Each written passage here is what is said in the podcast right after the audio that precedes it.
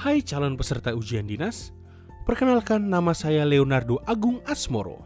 Saya akan menemani Anda belajar. Semoga bermanfaat. Mari kita mulai. Sekarang kita masuk ke materi selanjutnya.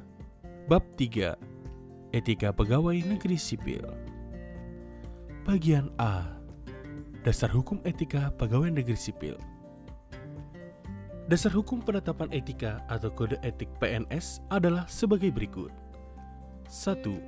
Pasal 5 ayat 2, Pasal 27 ayat 1, dan Pasal 28 Undang-Undang Dasar 1945. 2.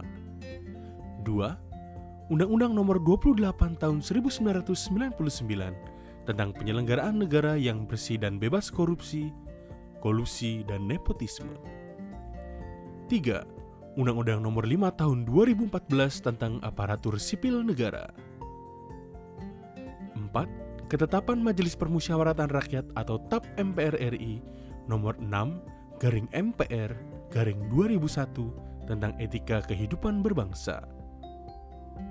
5. Peraturan Pemerintah Nomor 42 Tahun 2004 tentang Pembinaan Jiwa Korps dan Kode Etik PNS. 6 Peraturan Pemerintah Nomor 53 Tahun 2010 tentang Disiplin PNS. 7. Peraturan Pemerintah Nomor 11 Tahun 2017 tentang Manajemen PNS.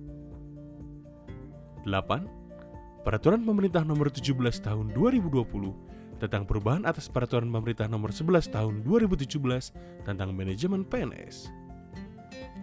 Dan 9. Peraturan Menteri Keuangan Nomor 190 garing PMK titik 01 garing 2018 tentang kode etik dan kode perilaku pegawai negeri sipil di lingkungan Kementerian Keuangan.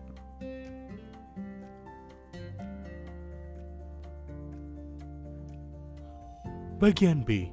Etika Kehidupan Berbangsa TAP MPR nomor 6 garing MPR garing 2001 Maksud dan tujuan etika kehidupan berbangsa merupakan rumusan yang bersumber dari ajaran-ajaran agama, khususnya yang bersifat universal dan nilai-nilai luhur budaya bangsa yang tercermin dalam Pancasila sebagai dasar dalam berpikir, bersikap, dan bertingkah laku dalam kehidupan berbangsa. Rumusan ini disusun dengan maksud untuk membantu memberikan penyadaran tentang arti penting tegaknya etika dan moral dalam kehidupan berbangsa, sekaligus menjadi acuan dasar untuk meningkatkan kualitas manusia yang beriman, bertakwa, dan berakhlak mulia serta berkepribadian Indonesia.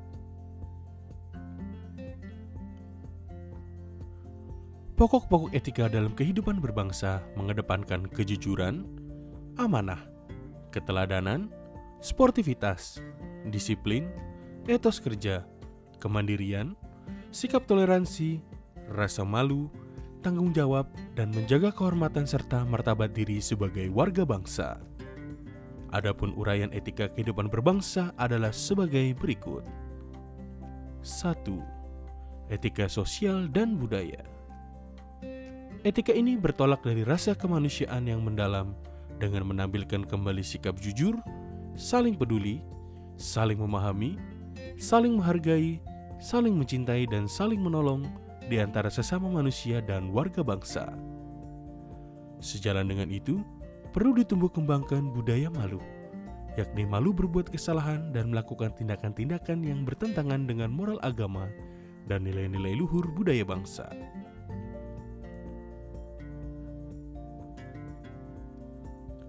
Menumbuh kembangkan kembali budaya keteladanan yang harus diwujudkan dalam perilaku para pemimpin, baik formal maupun informal pada setiap lapisan masyarakat.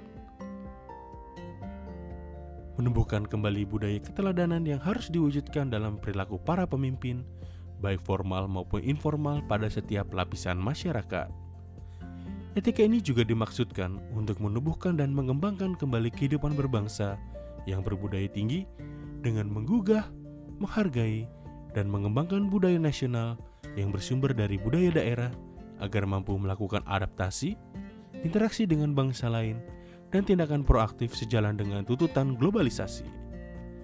Untuk itu, diperlukan penghayatan dan pengamalan agama yang benar, kemampuan adaptasi, ketahanan, dan kreativitas budaya dari masyarakat. 2. Etika politik dan pemerintahan. Etika ini dimaksudkan untuk mewujudkan pemerintahan yang bersih, efisien dan efektif, serta menumbuhkan suasana politik yang demokratis yang bercirikan keterbukaan, rasa tanggung jawab, tanggap akan aspirasi rakyat, menghargai perbedaan, jujur dalam persaingan, kesediaan untuk menerima pendapat yang lebih benar, serta menjunjung tinggi hak asasi manusia dan keseimbangan hak dan kewajiban dalam kehidupan berbangsa. Etika ini diharapkan mampu menciptakan suasana harmonis antar pelaku, antar kekuatan sosial politik, serta antar kelompok kepentingan lainnya untuk mencapai kemajuan bangsa dan negara sebesar-besarnya dengan mendahulukan kepentingan bersama daripada kepentingan pribadi dan golongan. Etika politik dan pemerintahan mengandung misi kepada setiap pejabat dan elit politik untuk bersikap jujur, amanah, sportif, siap melayani, berjiwa besar, memiliki keteladanan, rendah hati, dan siap untuk mundur dari jabatan publik apabila terbukti melakukan kesalahan, dan secara moral kebijakannya bertentangan dengan hukum dan rasa keadilan masyarakat. Etika ini diwujudkan dalam bentuk sikap yang bertata krama dalam perilaku politik yang toleran, tidak berpura-pura, tidak sombong atau arogan, jauh dari sikap munafik serta tidak melakukan pembohongan publik, tidak manipulatif, dan tidak melakukan tindakan-tindakan yang tidak terpuji lainnya. Tiga, ekonomi. Tiga, etika ekonomi dan bisnis. Etika ekonomi dan bisnis dimaksudkan agar prinsip dan perilaku ekonomi dan bisnis, baik oleh perorangan, institusi maupun pengambil keputusan dalam bidang ekonomi, dapat melahirkan kondisi dan realitas ekonomi yang bercirikan persaingan yang jujur, berkeadilan, mendorong berkembangnya etos kerja ekonomi, daya tahan ekonomi, dan kemampuan saing, dan terciptanya suasana kondusif untuk memberdayakan ekonomi yang berpihak kepada rakyat kecil melalui kebijakan secara berkesinambungan. Etika ini mencegah terjadinya praktik-praktik monopoli, oligopoli, kebijakan ekonomi yang mengarah kepada perbuatan korupsi, kolusi, dan nepotisme, diskriminasi yang berdampak negatif terhadap efisiensi, persaingan sehat dan keadilan, serta menghindarkan perilaku menghalalkan segala cara dalam memperoleh keuntungan. 4. Etika penegakan hukum yang berkeadilan.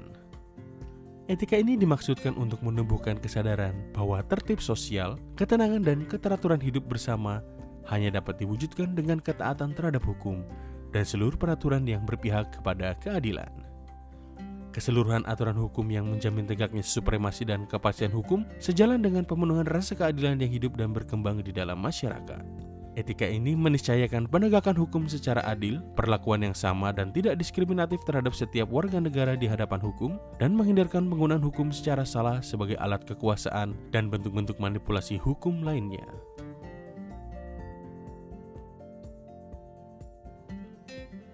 5. Etika keilmuan Etika ini dimaksudkan untuk menjunjung tinggi nilai-nilai kemanusiaan, ilmu pengetahuan dan teknologi agar warga bangsa mampu menjaga harkat dan martabatnya, berpihak kepada kebenaran untuk mencapai kemaslahatan dan kemajuan sesuai dengan nilai-nilai agama dan budaya. Etika ini diwujudkan secara pribadi maupun kolektif dalam karsa, cipta, dan karya yang tercermin dalam perilaku kreatif, inovatif, inventif, dan komunikatif dalam kegiatan membaca, belajar, meneliti, menulis, berkarya, serta menciptakan iklim kondusif bagi pengembangan ilmu pengetahuan dan teknologi. Etika ini menegaskan pentingnya budaya kerja keras dengan menghargai dan memanfaatkan waktu, disiplin dalam berpikir dan berbuat, serta menepati janji dan komitmen diri untuk mencapai hasil terbaik. Di samping itu, etika ini mendorong tumbuhnya kemampuan menghadapi hambatan, rintangan dan tantangan dalam kehidupan, mampu mengubah tantangan menjadi peluang, mampu menumbuhkan kreativitas untuk menciptakan kesempatan baru, dan tahan uji serta pantang menyerah. 6. Etika lingkungan Etika ini menegaskan pentingnya kesadaran menghargai. Etika ini menegaskan pentingnya kesadaran menghargai dan melestarikan lingkungan hidup serta penataan tata ruang secara berkelanjutan dan bertanggung jawab. Etika ini bisa diwujudkan dalam pengelolaan lingkungan hidup secara arif dan bijaksana agar tercipta lingkungan yang bersih, teratur, nyaman, serta bisa memberikan manfaat bagi masyarakat di sekitarnya.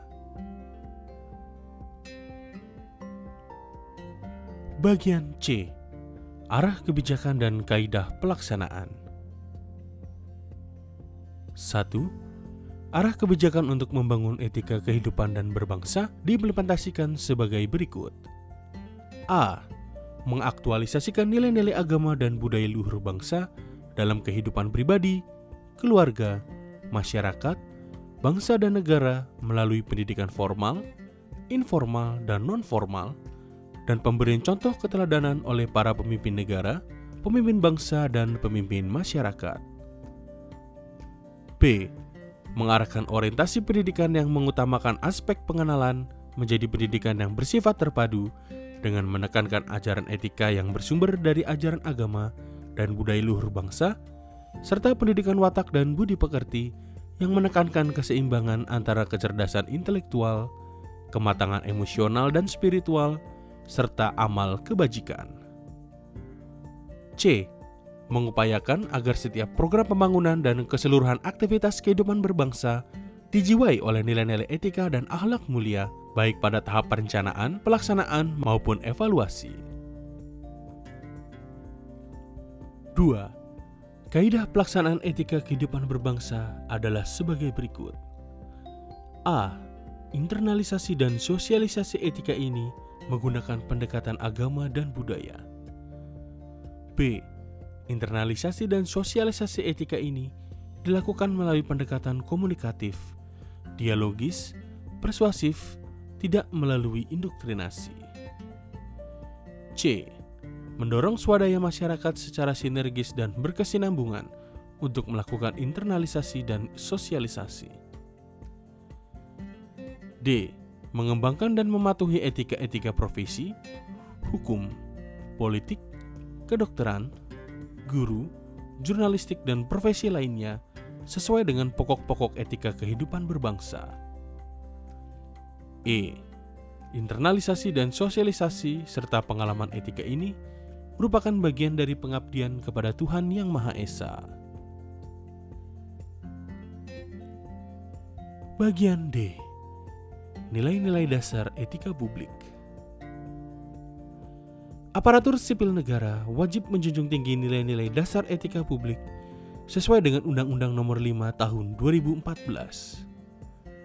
Adapun nilai-nilai dasar etika publik yang harus dijunjung tinggi oleh aparatur sipil negara meliputi 1. Memegang teguh ideologi Pancasila 2. Setia dan mempertahankan Undang-Undang Dasar 1945 serta pemerintahan yang sah 3. Mengabdi kepada negara dan rakyat Indonesia 4. Menjalankan tugas secara profesional dan tidak berpihak 5. Membuat keputusan berdasarkan prinsip keahlian. 6. Menciptakan lingkungan kerja yang non-diskriminatif. 7. Memelihara dan menjunjung tinggi standar etika luhur. 8. Mempertanggungjawabkan tindakan dan kinerjanya kepada publik.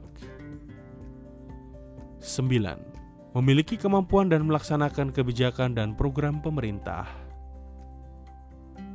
10. Memberikan layanan kepada publik secara jujur, tanggap, cepat, tepat, akurat, berdaya guna, berhasil guna, dan santun. 11. Mengutamakan kepemimpinan berkualitas tinggi. 12. Menghargai komunikasi, konsultasi, dan kerjasama. 13.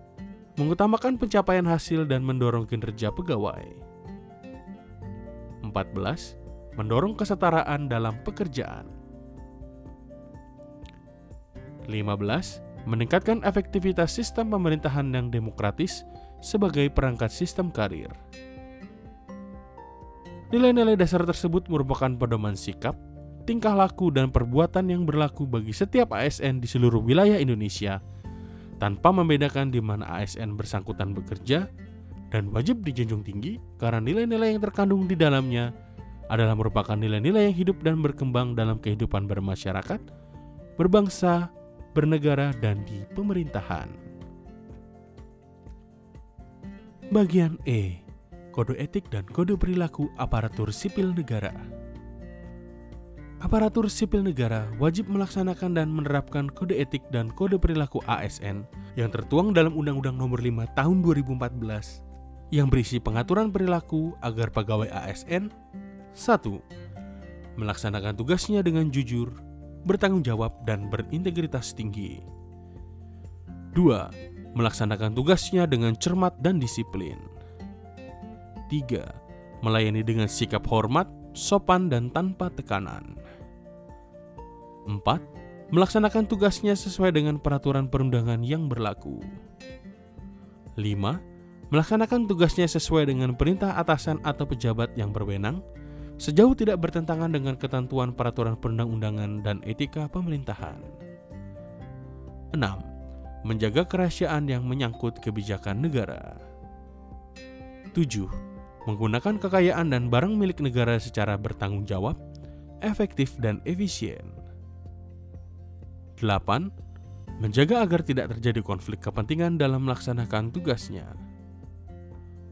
9. Memberikan informasi secara benar dan tidak menyesatkan kepada pihak lain yang memerlukan informasi terkait kepentingan kedinasan. 10. Tidak menyalahgunakan informasi intern negara tugas, status, kekuasaan, dan jabatannya untuk mendapat atau mencari keuntungan dan manfaat bagi diri sendiri atau untuk orang lain. 11. Memegang teguh nilai dasar ASN dan selalu menjaga reputasi dan integritas ASN. 12. Melaksanakan ketentuan perundang-undangan mengenai disiplin pegawai ASN. Demikian sesi belajar dengan saya. Jangan lupa kasih penilaian ya di akhir sesi mata pelajaran ini. Selanjutnya akan diteruskan oleh teman saya. Semoga sukses.